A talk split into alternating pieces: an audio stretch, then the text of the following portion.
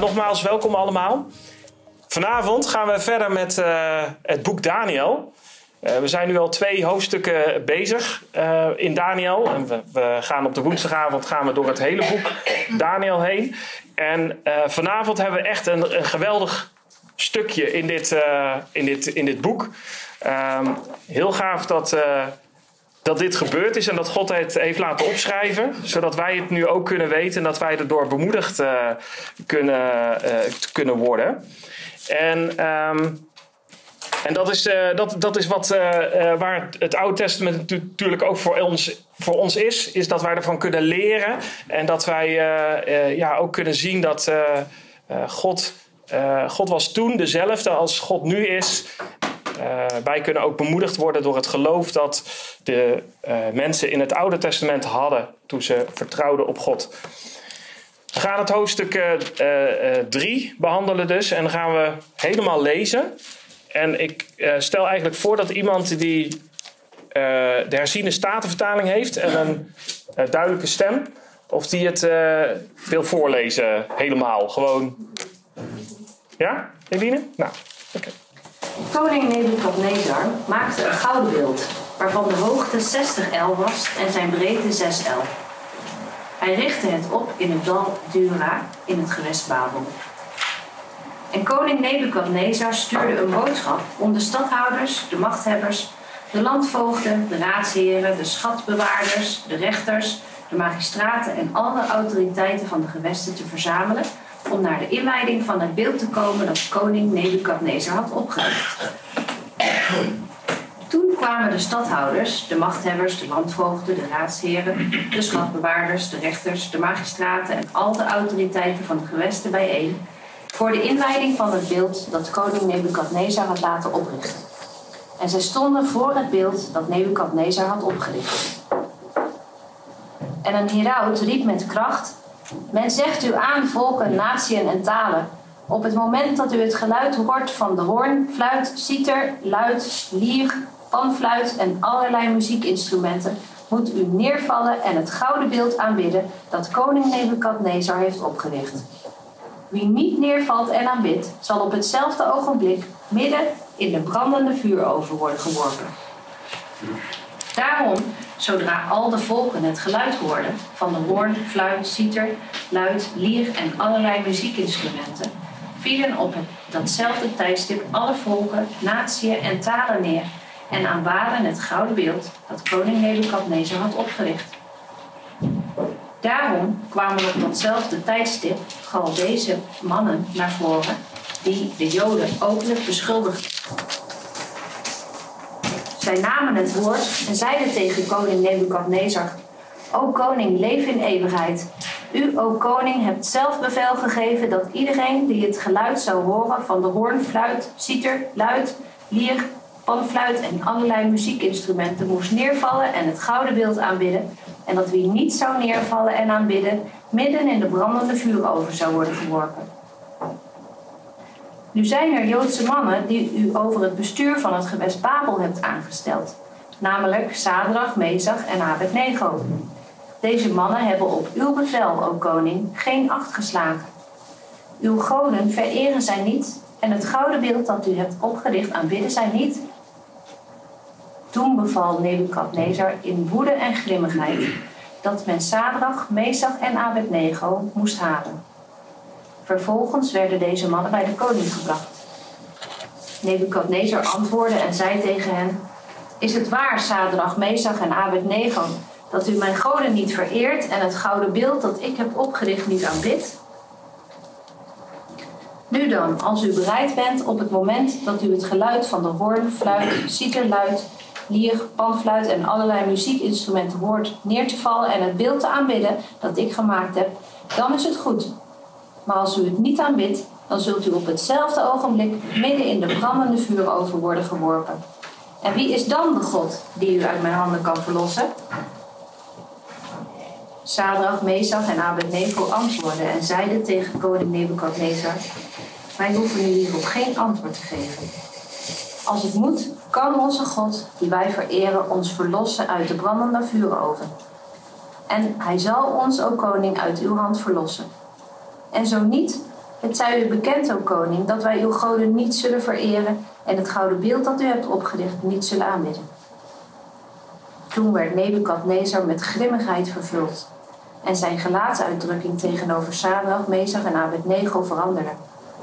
Hij nam het woord en zei dat men de oven zevenmaal heter moest stoken dan men gewoon was hem te slopen.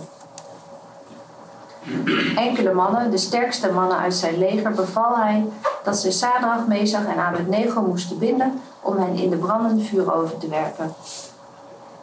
Toen werden deze mannen gebonden in hun mantels, hun broeken, hun mutsen en hun andere kleren, en zij wierpen hen midden in de brandende vuuroven. Omdat het woord van de koning zo dwingend was en de oven uitzonderlijk heet gestookt was, hebben de vlammen van het vuur deze mannen, die Sadrach, Mesach en Abednego naar boven brachten, gedood. Maar toen deze drie mannen, Sadrach, Mesach en Abednego, gebonden midden in de brandende vuuroven gevallen waren, sloeg koning Nebukadnezar de schrik om het hart. Haastig stond hij op, nam het woord en zei tegen zijn raadslieden: Hebben wij die drie mannen gebonden midden in het vuur geworpen? Zij antwoordden en zeiden tegen de koning: Jazeker, o koning. Hij antwoordde en zei: Zie, ik zie vier mannen midden in het vuur vrij rondlopen. Zij hebben geen letsel en de aanblik van de vierde lijkt op die van een zoon van de goden. Toen kwam Nebukadnezar in de nabijheid van de deur van de brandende vuuroven. Hij nam het woord en zei: Sadrach, Mesach en Abednego, dienaren van de Allerhoogste God, ga naar buiten en kom hier. Daarop gingen Sadrach, Mesach en Abednego uit het midden van het vuur. Toen kwamen de stadhouders, de machthebbers, de landvoogden en de raadslieden van de koning bijeen. Ze zagen aan deze mannen dat het vuur geen vat had gekregen op hun lichaam. Het haar van hun hoofd was niet geschroeid en hun mantels waren niet verteerd. Ja, er hing zelfs geen brandlucht aan hen. Nebukadnezar nam het woord en zei: Geloofd zij de God van Sadrach, Mesach en Abednego, die zijn engel heeft gezonden en zijn dienaren heeft verlost, die op hem hebben vertrouwd het bevel van de koning hebben weerstaan en hun lichaam hebben overgegeven, omdat zij geen enkele God wilden vereren of aanbidden dan hun God. Daarom wordt door mij een bevel uitgevaardigd dat elk volk, elke natie of taal die lastelijke dingen zegt over de God van Sadrach, Mesach en Abednego in stukken zal worden gehouden en dat zijn huis tot een mesthoop zal worden gemaakt. Want er is geen andere God die zo redden kan. Toen maakte de koning Sadrach, Mesach en Abednego voorspoedig in het gewest Babel. Dankjewel.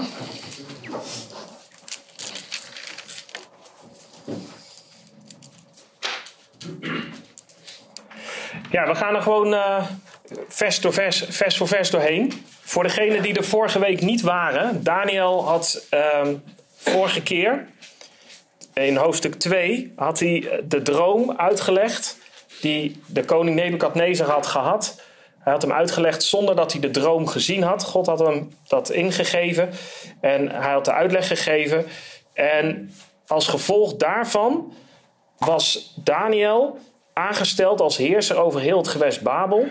En uh, omdat Daniel de koning dat verzocht, uh, hadden we gezien in vers 49 van het uh, vorige hoofdstuk, had hij Sadrach, Mezach en Abednego aangesteld over het bestuur van het gewest Babel. Maar we vinden daar, en Daniel bleef echter in de poort van de koning. Nou, we hebben ook in het eerste deel van het hoofdstuk, of in de eerste behandeling, toen uh, Philip uh, het, een beetje de intro op Daniel heeft gedaan, heeft hij al laten zien dat het boek Daniel over bijna 70 jaar heen geschreven is. Dus ook al staat hoofdstuk 3 naast, na hoofdstuk 2, wat de logische volgorde is, um, is het niet per se duidelijk. We weten niet precies wanneer hoofdstuk 3 plaats gevonden heeft naar de gebeurtenissen in hoofdstuk 2. Uh, eh, we zien wel heel veel uh, verbanden. En uh, het, het, dat er tijd tussen gezeten heeft, lijkt wel aannemelijk. Want de koning die, die is toch wel een beetje bizar bezig. Ehm, alsof hij weer eigenlijk helemaal vergeten is wat er gebeurd was in, ehm, in zijn droom. En tegelijkertijd lijkt het alsof hij uh, wel iets gedaan heeft uh, met die uh, droom. In de droom was er een beeld geweest en dat beeld had een gouden hoofd. En Daniel had uitgelegd dat dat, dat dat zijn rijk was, het gouden hoofd. En ehm, nou, nu bouwt hij ook een beeld. En het is opvallend dat hij dan een heel gouden beeld maakt. Helemaal. Dus in plaats van alleen het gouden hoofd, maakt hij een heel gouden beeld. Dus het lijkt alsof hij er niet mee genoegen neemt. Nou, waarschijnlijk is het niet puur goud geweest, want het beeld was 27 meter hoog en 2,7 meter breed. Dus wel een serieus beeld.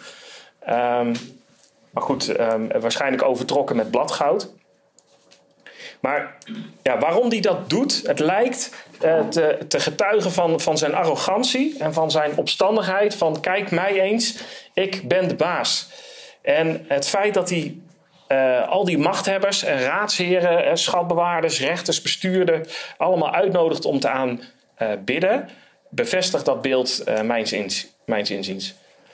hij wilde laten zien dat hij degene is die de basis. Uh, en iedereen moet herkennen, hè, en dat moet iedereen herkennen door zijn gouden beeld wat hij gemaakt heeft te aanbidden. Nou, dit gedrag dat wordt nog erger en dat gaan we in hoofdstuk 4 zien terugkomen, waarin God afrekent met dit uh, gedrag. Want dat is, dat is niet, dat, uh, dat tolereert God niet. En dat is eigenlijk de kern waar we al meteen in het eerste vers eigenlijk al tegenaan lopen. En dat is afgoderij. Um, en dat is zeer kwalijk in Gods ogen. En nou, toen ik dit aan het voorbereiden was, dacht ik van ja, maar dit is wel eens even goed om erbij stil te staan. Bij wat gebeurt er nou met afgoderij? En de uh, Bijbel maakt duidelijk, in, in, onder andere 1 Korinthe 8, vers 4, dat ondanks het feit dat die beeldjes gewoon gemaakt zijn door mensen, en ze dus op zich zelf eigenlijk niks kunnen. Ik bedoel, ja, iemand maakt iets van hout of die, en die overtrekt het met, met, met goud en dan ineens is het een, een beeld. Uh, dan snappen we eigenlijk allemaal ook, zo'n beeld kan niks. Maar de Bijbel maakt wel duidelijk dat er machten achter die beelden zitten. Eh, in, in Deuteronomium 32, vers 17 vinden we terug: zij hebben geofferd aan de demonen en niet aan God. En ook in 1 Korinthe 10, vers 20 uh, maakt Paulus duidelijk: nee, ik zeg dit omdat wat de heidenen offeren, offeren, zij dat aan demonen offeren en niet aan God. En ik wil niet dat u met de demonen gemeenschap heeft. Nou, de, de context daarvan die kun je nog eens een keer opzoeken. Maar het principe erachter is dat, ondanks het feit dat die beeldjes misschien niet zoveel uh, voorstellen, er gaan wel uh, demonische machten achter schuil.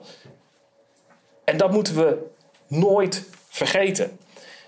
Want dit is een kwalijke zaak in Nederland. Um, we hebben, uh, volgens mij heeft Arjen Lubach daar recentelijk een, een, een, item aan besteed.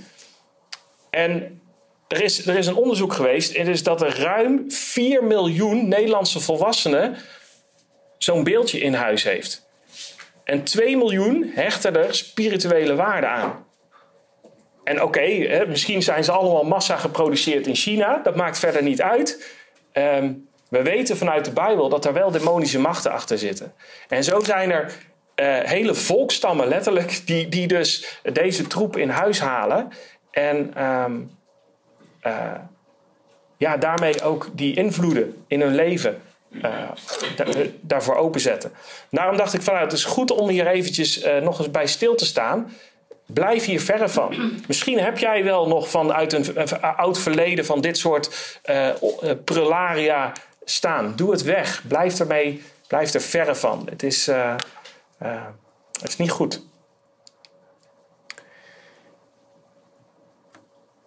Afgoderij komt namelijk uit de kokerrook van Satan die aanbidding wil stelen. We zien het in uh, Matthäus 4, hebben we het uh, gezien als als de Jezus naar de woestijn wordt geleid om verzocht te worden door de Satan. Uh, vinden we dit, Matthäus 4, vers 8 en 9. Wederom nam de duivel hem mee naar een zeer hoge berg. En hij toonde hem al de koninkrijken der wereld en hun heerlijkheid. En zei tot hem: Dit alles zal ik u geven, indien gij u nederwerpt en mij aanbidt. En hier laat de Satan zien waar het bij hem eigenlijk om draait. En dat er hier in dit verhaal ook duistere machten aan het werk waren, dat kun je volgens mij ook aan het verhaal heel goed zien, aan de omstandigheden. Je ziet een koning die zit in zijn hoofd haalt om een beeld te bouwen. Dat lijkt op het beeld in die droom, maar dan mooier, hè? dat die helemaal van goud is. In plaats van alleen het hoofd. En vervolgens de straf, het vuur dat erop staat als je dat beeld niet aanbidt. Dat doet denken aan de hel. En de groep Galdeeuwse mannen die vervolgens opstaan en, en, en de drie vrienden erbij lappen. Eh, je ziet hier eigenlijk heel duidelijk dat, dat, er, dat er meer aan de hand is dan alleen eventjes uh, nou ja, een bepaalde geschiedenis van een koning die denkt: uh, ik, ik, ik, ik doe eens een keer een leuk feestje bouwen. Nou, in vers 2 en 3 vinden we dan dat hij alle leidinggevenden verzamelt. We moeten ook weer even beseffen, dit zal een tijdje geduurd hebben. Want uh, er waren geen mobieltjes uh, in die tijd. Dus uh, dat kan een reden zijn dat Daniel er daarom niet bij was. Dat hij gewoon op een, een of andere inspectiereis was. Het kan ook te maken hebben met het feit dat Daniel, zoals vers 49 van hoofdstuk 2 zei, dat Daniel aan het hof van de, de koning was gebleven. Hè, bleef in de poort van de koning. Dat Daniel een soort adviseur was, waardoor hij dus niet onder die groep viel die uh, gedwongen werd om te buigen voor dit beeld. Uh, ja, volgens mij weten we het niet precies. De, de Bijbel zegt het hier niet. Maar het is wel opvallend dat dus die vrienden van Daniel hier nu uh, ondervallen onder deze groep mensen die hiervoor moeten buigen. Juist omdat ze, omdat Daniel eigenlijk vorige keer uh, in het vorige verhaal ja, eer had ontvangen van de koning en dat hij op voorspraak van Daniel die drie vrienden um, heerser over het gewest Babel had gemaakt. Nou, nu horen zij dus ook onder die leidinggevende. En vervolgens krijgen ze um, in vers 4 tot en met 7 krijgen ze de, de opdracht. Nou, dus op het moment dat u het geluid hoort van de hoornfluit, citer, luid, lier, panfluit. Er moet een hele uh, orkest zijn geweest en allerlei muziekinstrumenten. Moet u neervallen en het gouden beeld aanbidden dat koning Nebukadnezar heeft opgericht. Wie niet neervalt en aanbidt, zal op hetzelfde ogenblik midden in de brandende vuuroven worden geworpen. Ja, wat gaat er door je hoofd als je zo'n opdracht krijgt? Je zult klaar moeten zijn om een keuze te maken als je dit hoort. En voor mij is eigenlijk meteen de, de toepassing. Hoe ga jij om als jij een opdracht op je werk krijgt om bijvoorbeeld te liegen op je werk door uh, om cijfers op te poetsen? Of om zaken anders voor te doen dan ze werkelijk zijn, of iets anders oneerlijks. Wat doe je dan? Kijk, zij werden nu voor een hele uh, grote uh, een ding gesteld, maar er zat ook een grote consequentie aan vast. Maar op zo'n moment heb je eigenlijk twee dingen nodig die uh, de drie vrienden van Daniel heel duidelijk hadden. Je hebt onderscheid en kennis nodig. En uh, in 1 Korinthe 15, vers 33 zegt uh, Paulus: wordt op de juiste manier nuchter en zondig niet, want sommigen hebben geen kennis van God. Tot beschaming zeg ik u dit. Dus soms komen wij in zonde puur doordat wij niet, geen weet hebben van God. We kennen God niet goed genoeg. Hebreeën 5, vers 14 maakt ontzettend duidelijk. Uh, waarvoor de Bijbel is.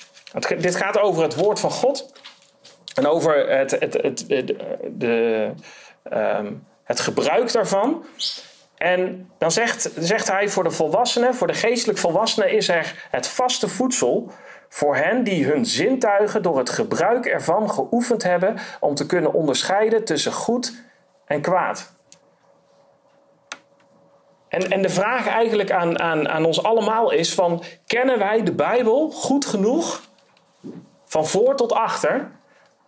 En hebben wij er goed genoeg over nagedacht? En hebben wij het toegepast in ons leven dat onze zintuigen, dus wat wij, uh, ja, ons, eigenlijk onze geestelijke zintuigen, denk ik dat hij hier bedoelt, ehm, geoefend hebben, zodat wij kunnen zien wat goed is en wat kwaad is.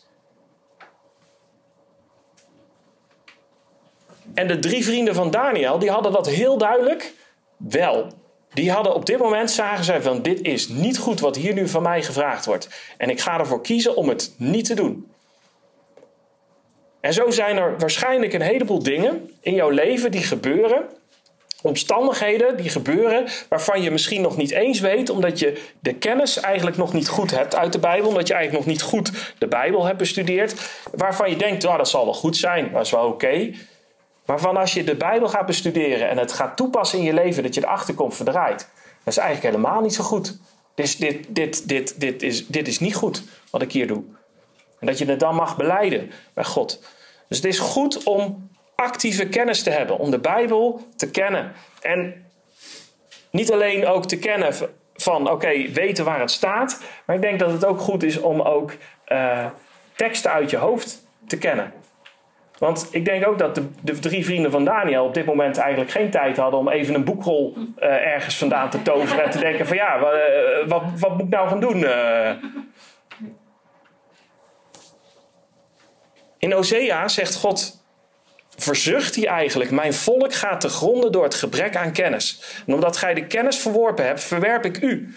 Dat gij geen priester meer voor mij zult zijn. Daar gij de wet van uw God vergeten hebt, zal, ik, zal ook ik uw zonen vergeten. Dit zegt hij tegen Israël. En dit is een hele sterke boodschap aan hun. Hij zegt van ja, jullie zijn mij vergeten. Jullie hebben mijn wet verlaten. Jullie hebben, uh, jullie hebben geen kennis meer. En dat maakt jullie kapot. En voor ons is dat een waarschuwing Israël, eh, in 1 Korinthe 10 leren wij dat alles Israël is overkomen als voorbeeld voor ons. Dat wij daaruit mogen leren. Als wij daar zien dat, het, dat, dat Israël op een gegeven moment te, te, te gronden is gegaan door het gebrek aan kennis, denk ik van ja, dan mogen wij er ook best wel tijd in investeren om echt het woord van God te kennen. Om het te lezen, te bestuderen, over na te denken en toe te passen in ons leven. Dus je hebt actieve kennis nodig, maar je hebt dus ook onderscheid nodig. Van ja, oké, wat, wat moet ik nu doen? Wat is goed, wat is uh, verkeerd? Nou, dan eigenlijk even nu de vraag. Buig of sterf, dat is eigenlijk wat ze als opdracht meekregen. Maar hoe zou jij Sadrach, Mezach en Abednego geadviseerd hebben wat ze moesten doen. Welke Bijbeltekst zou jij hun hebben meegegeven? Ja, simpelweg gewoon uit de tien geboden. Daar staat al dat je geen afgoden moet uh, bidden. Dus dat lijkt me eigenlijk al een heel duidelijk gebod dat daar een foute boel is. Ja, ja. Dat was voor hun een van de basics. Ja, nou precies. Nou ja, dat is ook. Uh, uh, dat is een hele goeie. Ik dat is. ja? Matthäus. Ja. Um, wees niet bevreesd voor hen die het lichaam doden en de ziel niet kunnen doden, maar wees veel eer bevreesd voor hem die zowel lichaam als, ziel als lichaam te gronden kan richten in de hel. Ja. Ja? Jezaja 44, vers 2b. Wanneer u door het vuur zult gaan, zult u niet verbranden, geen vlam zal u aanstaan. Yes, nou dat is ook een mooie. Ja, precies. Nou, zo zijn er dus al, uh, al gelijk een paar vermoedigingen waar we vanuit het woord van God heel duidelijk uh, um, een keuze kunnen maken. God is er heel duidelijk over. En in die van Exodus is, is, is inderdaad hè, de, de tien geboden. Dat is echt het, het, het, het meest duidelijke. Ehm, het, is, het is meteen het, het, het tweede gebod. Uh, u zult voor uzelf geen beeld maken, geen enkele afbeelding van wat boven in de hemel of beneden op de aarde of in het water onder de aarde is. U zult zich daarvoor niet neerbuigen en die niet dienen, want ik, de Heere, uw God, ben een naijverig God. Dus eh, God maakt het heel duidelijk van in het eerste gebod. Hè? God, God eren. Tweede gebod. Geen andere, geen afgoden. Niemand anders dienen. Want er, is maar aan één God die de eer toekomt. En dat is bijvoorbeeld ook die in Jezaja 42. Um, waar God ook duidelijk maakt: Ik ben de Heer, dat is mijn naam en mijn eer zal ik aan geen ander geven, evenmin mijn lof aan de afgodsbeelden. Dit is uh, ook een tekst die ook heel belangrijk is voor ons allemaal om te beseffen. Is dat wij moeten nooit in de weg komen te staan van God. Als het in de kerk om ons gaat draaien, als het gaat voor, van, voor in, in mijn geval dus nu als ik de studie geef, of als iemand voor staat te zingen, en als iemand eigenlijk de eer naar zich toe aan het trekken is, eh, is deze tekst ook een waarschuwing voor die persoon. Mijn eer zal ik aan geen ander geven. God is de enige die de eer verdient, want hij is de Allerhoogste. En dat was ook de reden dat Sadrach, Mesach en Abednego er ook voor kozen om niet te buigen voor dat beeld. Maar ja, ze hadden natuurlijk wel kunnen zeggen: Ja, ik meen het toch niet? Weet je wat? In mijn hart buig ik niet. Het is alleen deze keer. God begrijpt het vast wel. Ze hadden kunnen gaan voor een compromis. Zo van ja, weet je, uh, ik doe maar mee. Want wat, ja, ja, anders word ik zo meteen in die oven gegooid. Ja, dat, dat lijkt me ook niet de bedoeling van God, toch? Ja, Maar Jezus maakt heel duidelijk in Matthäus 7: ga binnen door de nauwe poort, want wijd is de poort en breed is de weg die naar het verderf leidt. En vele zijn er die daardoor naar binnen gaan. Maar de poort is nauw en de weg is smal die naar het leven leidt. En weinigen zijn het er die hem vinden. Jezus zei dit tegen gelovige Joden, tegen Joden die, die religieus waren, die, die, die uh, uh, met, met hun wezen probeerden God te dienen. En tegen hun zegt hij: Wacht even, je mist de kern. Hij zegt: Niet ieder die tegen mij zegt: Heere, Heere, zal binnengaan in het koninkrijk der hemelen, maar wie de wil doet van mijn Vader die in de hemelen is. En daarom, ieder die deze woorden van mij hoort en ze doet, die zal ik vergelijken met een verstandig man die zijn huis op de rots gebouwd heeft. En de slagregen viel neer, en de waterstromen kwamen, en de winden waaiden en stortten zich op dat huis. Maar het stortte niet in, want dat was op de rots gefundeerd. En dat is wat de drie vrienden van Daniel nu op dit moment uh, in dit verhaal doen. Nu kwamen die waterstromen, nu kwamen die winden en nu, nu kwam die, werd er geschud aan het fundament van hun geloof.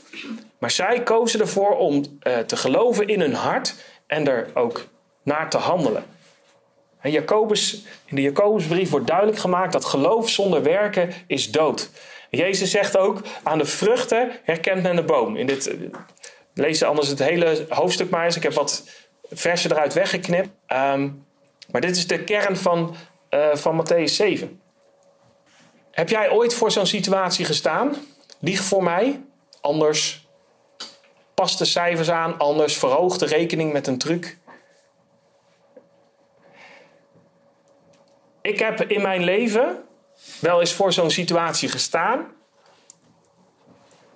En toen heb ik niet het goede gedaan. Ik, ik had eigenlijk achteraf had ik eigenlijk niet eens door wat er van mij gevraagd werd. Dus ik had het onderscheid op dat moment gewoon niet. Dat maakt het niet minder fout. Ik werd gevraagd eigenlijk om een beetje te, te rommelen met de, de, de, bezoekersaantallen van de website. En, en uh, uh, om, die een beetje te verdubbelen. Alsof het bleek alsof die site beter bezocht werd.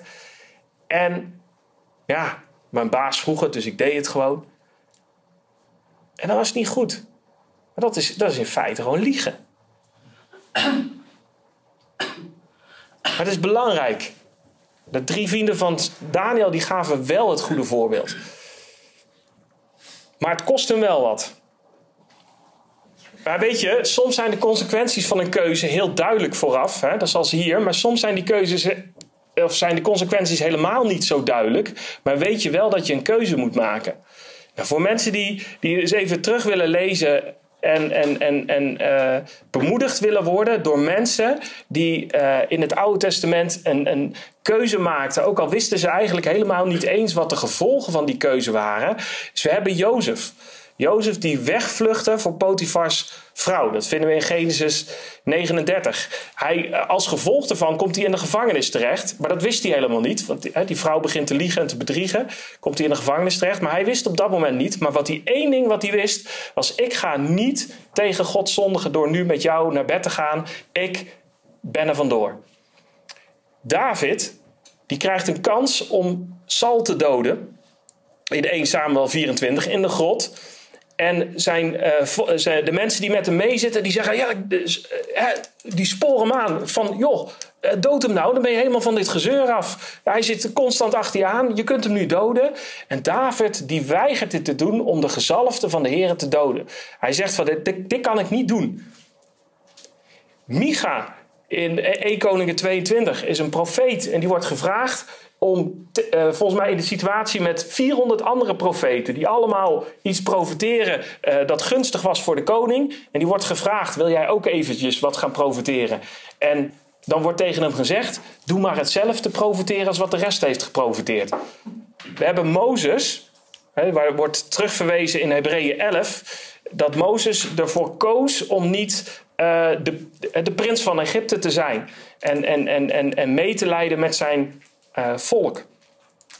We hebben Esther, die op een gegeven moment dicht bij de koning in het, konings, uh, in het hof zit. En uh, een keuze moet maken om op dat moment voor haar volk op te komen. Terwijl het haar, nou ja, zij wist wel van ja, dat kan alle kanten op gaan. Dit kan me mijn kop kosten of dat, het gaat goed. Maar we hebben ook het voorbeeld van Petrus. Die faalde die wist eigenlijk dat hij een keuze moest maken voor, om voor Jezus uit te komen en faalde. En dan toch Jezus ook weer die genadig met Petrus was. Maar goed, iedereen buigt uh, op dat moment. En jij? Er zijn echt heel veel situaties waarin wij, ook in de, zelfs in de christelijke wereld, dat wij keuzes moeten maken die anders zijn dan wat de rest van de wereld doet. Omdat wij er bijvoorbeeld voor kiezen om gewoon het woord van God uh, te lezen en toe te passen in ons leven. En dat andere mensen denken, ja weet je, het zal allemaal wel. En kies jij er dan voor om het juiste te doen? Het blijft niet onzichtbaar. Jezus zegt: U bent het licht van de wereld. Een stad die bovenop een berg ligt, kan niet verborgen zijn. Dit komt naar buiten. En dan sta je daar. En dan sta je in de spotlights. Maar dan is het wel een kwestie van: ja, um, jij maakt die keuze. En, uh, en dan kunnen er gevolgen aan vastzitten.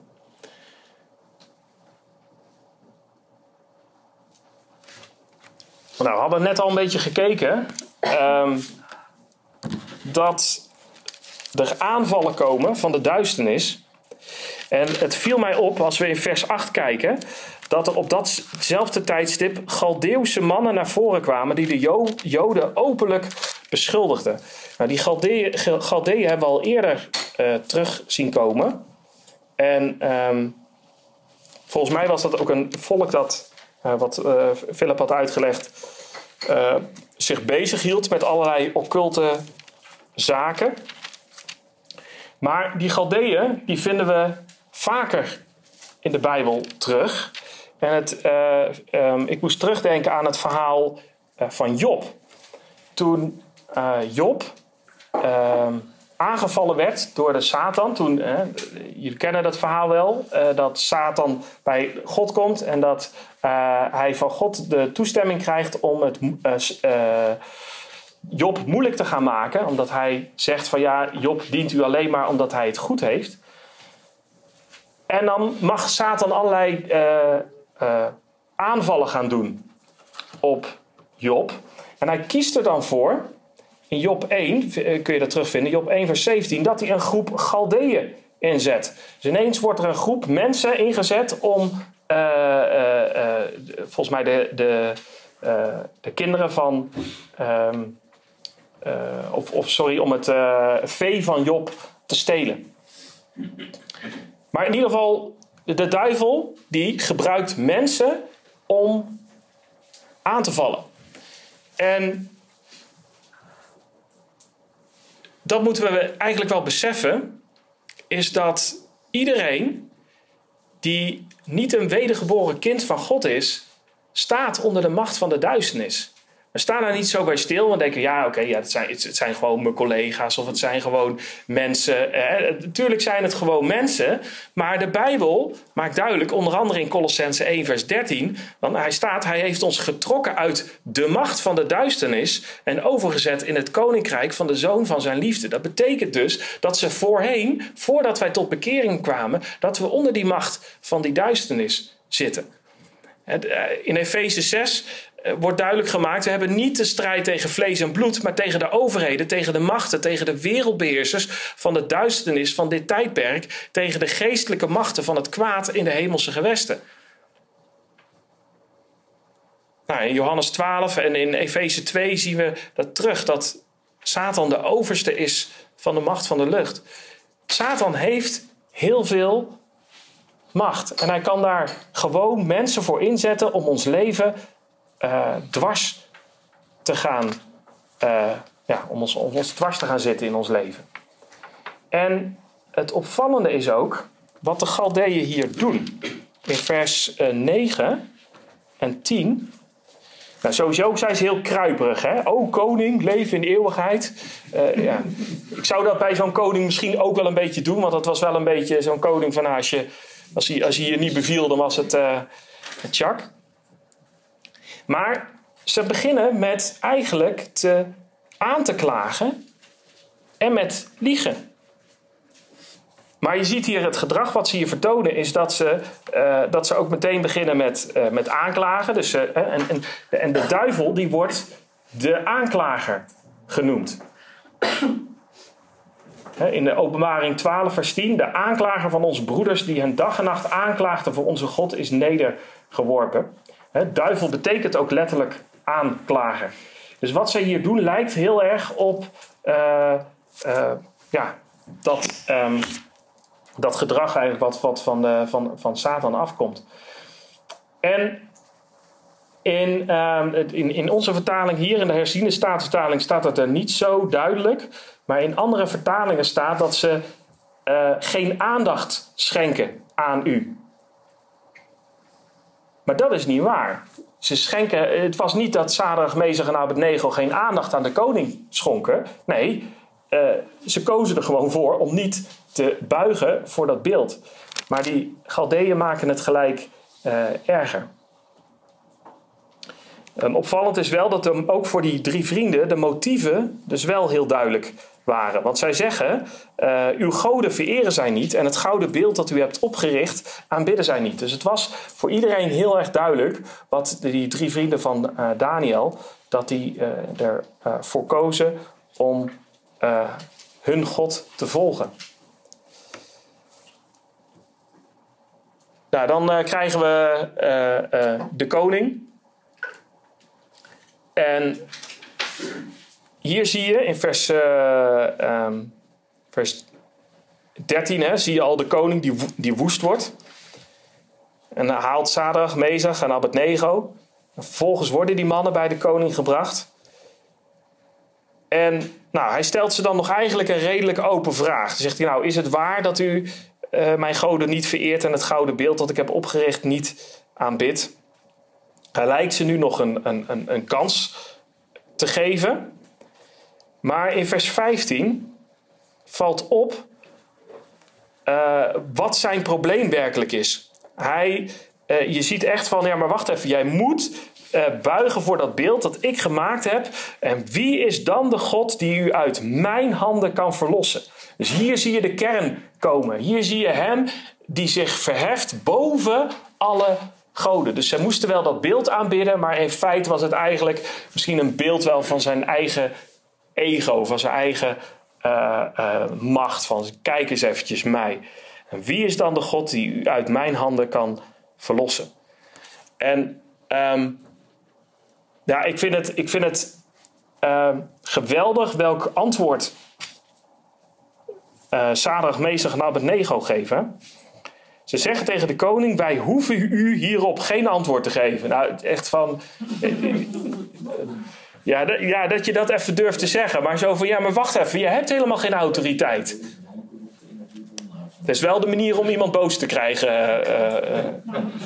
op zo'n opmerking.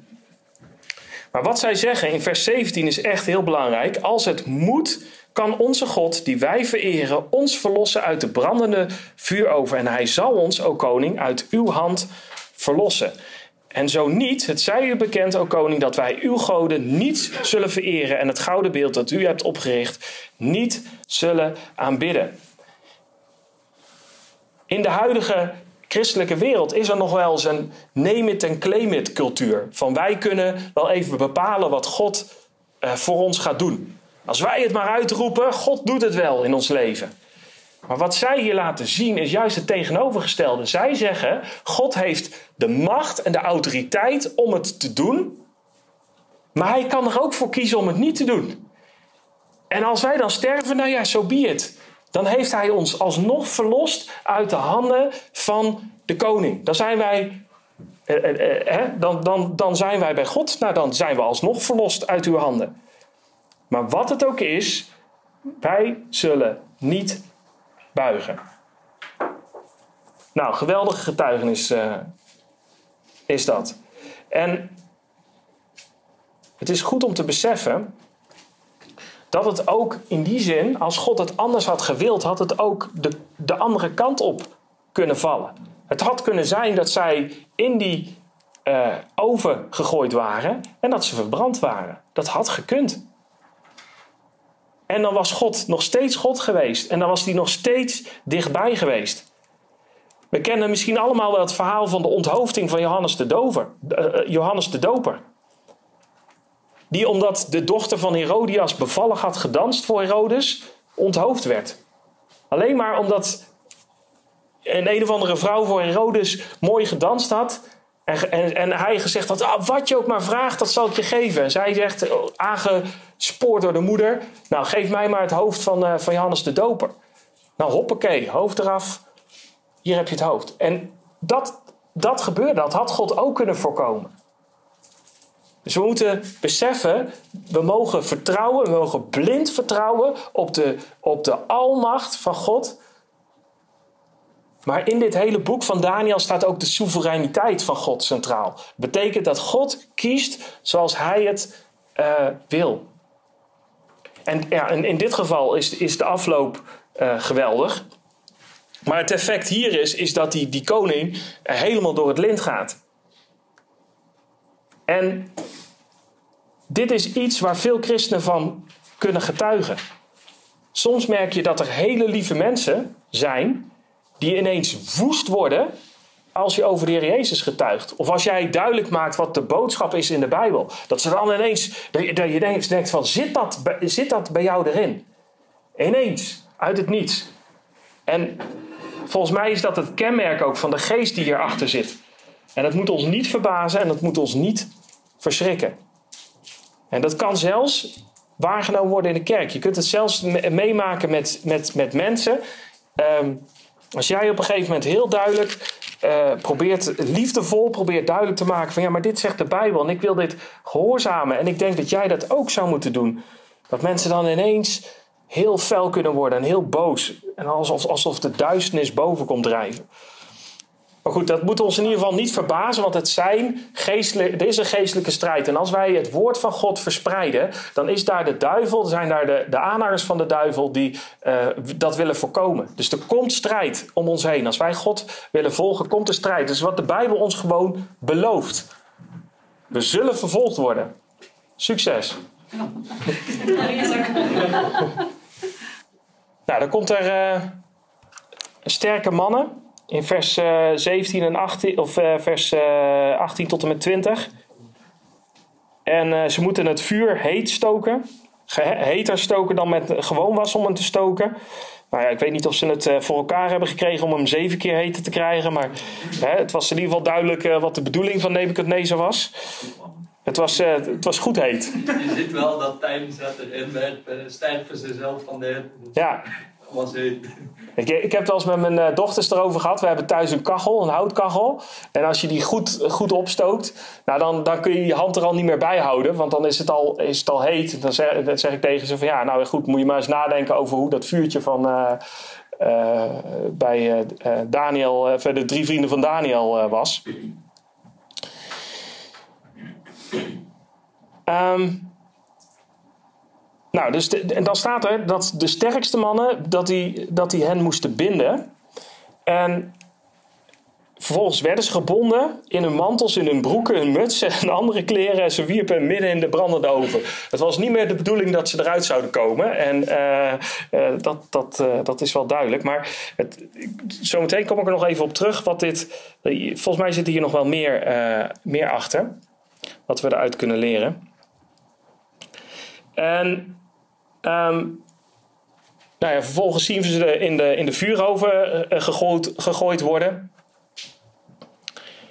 In vers eh, eh, 22. Nou, de mannen van eh, die Sadrach, Meester en Abednego naar boven kwamen, die werden dus gedood door de, eh, door de hitte en de vlammen. Maar dan komt het, dan komt het wonder in dit verhaal. In vers, ehm, vers 24. Ineens sloeg koning Nebukadnezar de schrik om het hart. Haastig stond hij op en nam het woord en zei tegen zijn raadslieden: Hebben wij niet drie mannen gebonden midden in het vuur geworpen? Ze antwoordden en zeiden tegen de koning: Jazeker, o koning. En dat, ja, het verbaast me een beetje wat hij zegt. Hij, hij antwoordde en zei: Zie, ik zie vier mannen midden in het vuur vrij rondlopen. Ze hebben geen letsel en de aanblik van de vierde lijkt op die van een zoon van de goden. Eh, Het lijkt wel alsof hij ineens begon te tellen. En ik denk, hé, dat klopt niet. Maar, maar sowieso, ze liepen rond in het vuur. Dat lijkt me ook al niet zo eh, eh, wat je verwacht eigenlijk bij zo'n vuurtje. Maar we zagen net dat ze gebonden werden. Maar we zien hier, in dit verhaal zien we terugkomen dat God eh, sterker is. Hij is de sterkere. Hij is, de Heer Jezus, er wordt gezegd van hij die in u is, in 1 Johannes 4 vers 4, lieve kinderen, u bent uit God en u hebt dan overwonnen, want hij die in u is, is groter dan hij die in de wereld is.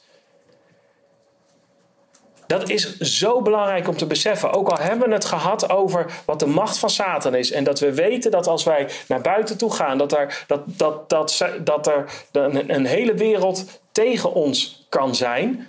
Hij die bij ons is, hij die in ons is zelfs, is groter dan hij die in de wereld is. En dat moeten we nooit vergeten. En die drie vrienden van Daniel, die geloofden dit. Die beseften van God is groter dan die koning die hier nu de macht heeft om mij hier in dat vuur te gooien. En ze werden daaruit gered. En uh, wat Tom net zei van... Uh, dat, dat, dat je soms in, in die aanvallen aangevallen wordt precies op je zwakke punten. Dan hebben we ook de, de, de bemoediging uit Hebreeën 2 vers 18. Want waarin hij, dat is Jezus, zelf geleden heeft toen hij verzocht werd, kan hij hen die verzocht worden te hulp komen. Dus als wij verleid worden, als wij verzocht worden om um, iets verkeerds te doen. Als we merken dat we weer tegen iets aanlopen in ons leven en dat de duivel weer dat, dat, die zwakte in ons uh, gebruikt. Als je een kind van God bent, heb je degene die overwint, de sterke, heb je in je wonen. En dat mag we beseffen en moet je naar hem toe gaan en zeggen: Heere, help me. Want dan kan hij ons te hulp komen. En het opvallende in dit verhaal is dat we hier zien: de aanblik van de vierde lijkt op die van de zoon van de goden. En de, volgens mij zijn de meeste Bijbeluitleggers het over eens dat dit waarschijnlijk de Heer Jezus is in uh, het Oude Testament. Dat noemen ze dan de, pre-incarnatie. Dus voordat hij mens was geworden, zie, zien we de Heer Jezus op een aantal plekken in de Bijbel zien we hem terugkomen. Um, als, nou, onder andere in Jozua en in Richteren. We weten dit niet zeker, uh, maar het lijkt er wel heel erg op. En dan is dit, deze tekst ook extra bemoedigend als je beseft van, nou, hè, dat, dat Jezus eigenlijk al te, uh, te hulp kwam ook toen.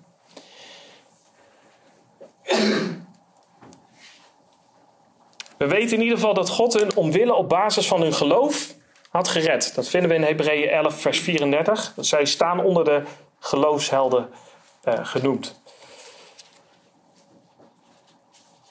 Nou, in ehm, vers 26, en dan komt alles goed, hè? Dan zegt hij, eh, eh, zegt Nebukadnezar, zegt hij, dienaren van de Allerhoogste God. Ineens beseft Nebukadnezar van, ja, wacht even, ja, oh ja, dat was die. Die die ook al had moeten herkennen in hoofdstuk 2. Van, oh ja, dat was, dat, dat was die, de Allerhoogste God. Ga naar buiten en kom hier. En ehm, dan zie je, wat mij betreft, dat die Sadrach, Mesach en Abednego helemaal niet ongehoorzaam wilden zijn aan de koning. De koning zei nu tegen hen, kom hier. We hadden ze ook kunnen denken, ja weet je wat, het is wel goed geweest met je opdrachten. Het is, eh, Hier komen nu. ja precies, kom jij maar hier. Kijk, hè? Kijk, kijken wie, eh, hoe dat gaat met dat vuurtje. Ja, maar zij, komen gewoon naar die koning toe. Dat is, eh, eh, het was helemaal niet per se dat ze ongehoorzaam wilden zijn. Nou, toen kwamen de stadhouders, de machthebbers, de landvoogd en de raadslieden van de koning bijeen. En ze zagen aan deze mannen dat het vuur geen vat had gekregen op hun lichaam. Ja, dit is, dit is zo gaaf. Het haar van hun hoofd was niet geschroeid en hun mantels waren niet verteerd. Ja, er hing zelfs, zelfs geen brandlucht aan hen. Er is gewoon geen twijfel mogelijk. Dit is eh, God die hun gered heeft. Ik weet niet of je wel eens eh, een, een vuurtje hebt gestookt buiten. Eh, maar op het moment dat je het vuurtje aangestoken hebt, stinken je kleren al naar rook. En, en, zij komen midden in zo'n vuur vandaan. En, en God eh, zorgt er al voor dat er niet eens een rooklucht aan hun hangt. En ik vind, het, ik vind het opvallend dat er genoemd wordt: hun haar was niet van hun hoofd was niet geschroeid. Eh, haar vliegt heel makkelijk in de fik. En het, het, was zelfs niet geschroeid. En dan moest ik denken aan deze tekst, die jij eh, daarnet ook al aanhaalde. Wees niet bevreesd voor hen die het lichaam doden en de ziel niet kunnen doden, maar wees veel eer bevreesd voor hem die zowel ziel als lichaam te gronden kan richten in de hel. Het is een hele serieuze waarschuwing. Dit zijn woorden van Jezus die mensen niet fijn vinden om te horen, maar Jezus heeft ze wel gezegd. Hij zegt van wees bevreesd voor God die zowel ziel als lichaam te gronden kan richten in de hel. Maar hij gaat verder. Worden niet twee musjes voor een pennetje verkocht en niet één van die zal op de aarde vallen buiten uw vader om. En ook de haren van uw hoofd zijn alle geteld. Wees dus niet bevreesd voor mensen. U gaat veel musjes te boven. Ieder dan die mij beleiden zal voor de mensen, die zal ook ik beleiden voor mijn Vader die in de hemel is. Maar wie mij verloochenen zal voor de mensen, die zal ik ook verloochenen voor mijn Vader die in de hemel is. Jezus is heel duidelijk. Hij zegt, hè, wij moeten ehm, niet bang zijn voor mensen. We moeten dit ontzag voor God hebben. Dat is zelfs eigenlijk een soort. Ja, ik kan dit niet anders lezen dan echt vrees voor God. Besef dat God onze ziel het volkomen recht heeft om onze ziel in de, en lichaam te gronden te richten in de hel. Hij heeft, mij, hij heeft het volste recht om ieder van ons zo in de hel te gooien. Waarom? Omdat we allemaal gezondigd hebben, zegt de Bijbel in Romeinen 3. Alle mensen hebben gezondigd en missen de heerlijkheid van God. Maar daarom is de Heer Jezus gekomen. Daarom is de Heer Jezus gekomen om ons te redden van die vreselijke dood. En daarom is het zo geweldig dat de Heer Jezus zegt, eh, direct hierna als we dit beseffen, wees niet bevreesd, want u gaat veel musjes te boven. Als wij in de Heer Jezus geloven, dan heeft de Heer Jezus onze schuld op zich genomen. Dus zal God ons, hè, dat lezen we ook in Romeinen 3, zal God ons dan ook vrij eh, spreken. Op basis van het offer van de Heer Jezus. Als je je vertrouwen op de Heer Jezus hebt gesteld. En ik vind het mooi, die haren op uw hoofd zijn alle geteld. Ook die haren van, van de drie vrienden van Daniel, die waren geteld en ze waren niet eens geschroeid.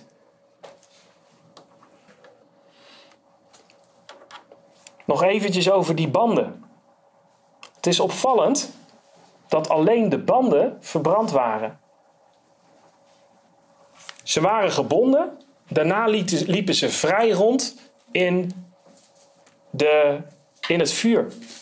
En voor mij is dit een, een, een, een als ik dit, dit, dit lees, denk ik, ja, dit staat er niet voor niets. Dit, dit, dit is opgeschreven dat we daar iets uit kunnen leren. En volgens mij is dit dat, dit, dat wij de banden van mensen, hè, dat die geen macht over ons hebben.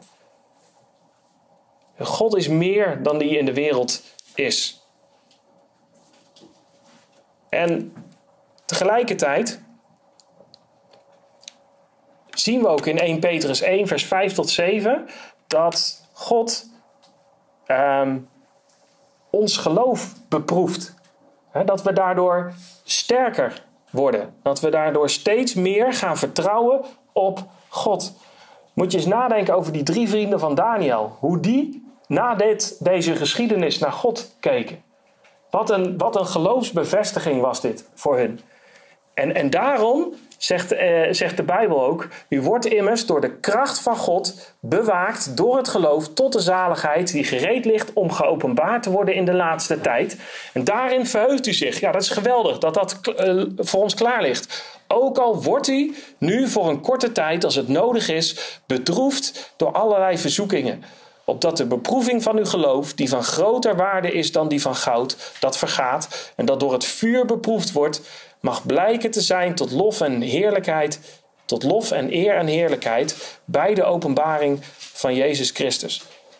God staat die beproevingen en die verzoekingen die hier nu gebeuren, staat die toe in ons leven, ehm, zodat wij sterker worden. Niet in onszelf, maar sterker worden in het geloof. Sterker in het geloof, uh, want uh, in de sterkste God, in de Almachtige God.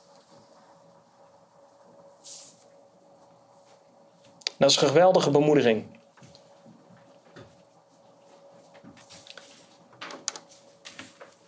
Dan is voor mij de laatste vraag eigenlijk die, die, die bij mij opkomt als ik dit, uh, deze geschiedenis lees, is: zijn er nog afgoden in jouw leven waar je mee moet afrekenen?